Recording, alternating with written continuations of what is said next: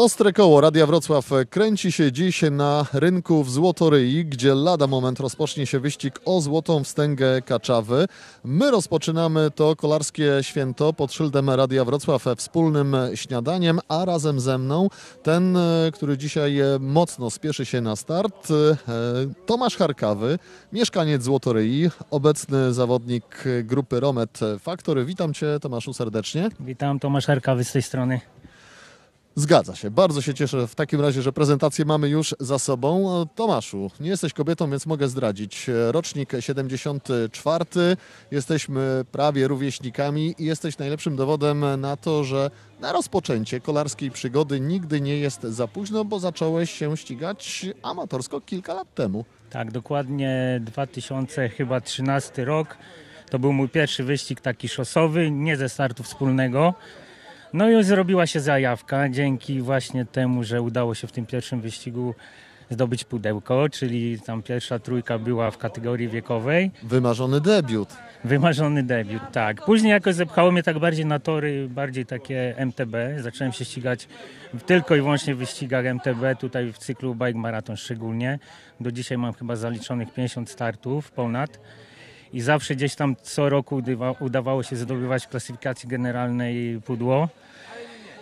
I powiem szczerze, że taki naprawdę pierwszy szosowy wyścig ze startu wspólnego to było chyba w 2016 roku w Gromadce i tam również pierwszy taki debiut ze startu wspólnego. Przyjechałem trzeci w kategorii. No i dzisiaj zaczęła wkrętka. Troszeczkę rower NTB poszedł na bok, zaczęło się więcej ścigania na szosie. Także, tak jak pan powiedział wcześniej, nigdy nie jest za późno, bo tutaj przy, koledzy, którzy zaraz będą mieli przeprowadzony wywiad, to są ludzie, którzy się ścigają całe życie.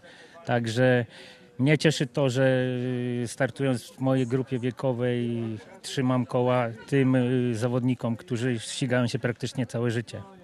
Tomaszu, w tym programie nie tylko zachęcamy do uprawiania kolarstwa, ale również radzimy wszystkim początkującym i taki być może dość przyziemny, ale pospolity problem związany, jak to ładnie mówią, z miejscem, w którym plecy tracą swoją szlachetną nazwę.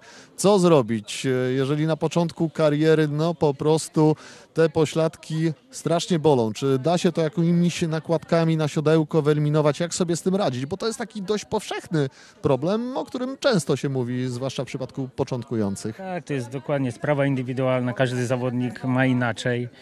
Y, Jest tak zwany ten bike fit- fitting, y, gdzie dobierane są walory kolarza pod, zarówno pod kątem ustawienia kierownicy, siodełka. Y, Takie badanie jest dosyć kosztowne, ale Waga odgrywa dużą rolę, im cięższy, tym bardziej też, boli? Też, waga też oczywiście. Waga też oczywiście. Ja na przykład powiem szczerze, że mam zawsze z tym problemy. Nawet zawodowcy, proszę. A, a szczególnie jak się zrobi przerwę. No tak przykład podam wczorajszy wyścig MTB, gdzie wystartowałem po rocznej przerwie. To tak naprawdę dzisiaj powiem szczerze, że będę jechał na, na środkach przeciwbólowych.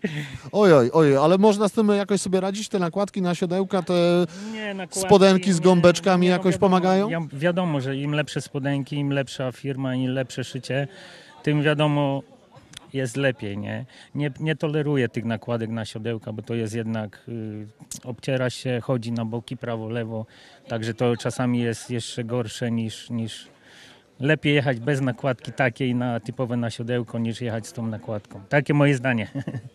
Bardzo Ci dziękuję za to zdanie. Jak mówi stare kolarskie porzekadło, każdy kolarz musi wiedzieć, żeby jechać trzeba siedzieć. No i trzeba się po prostu do tego przyzwyczaić.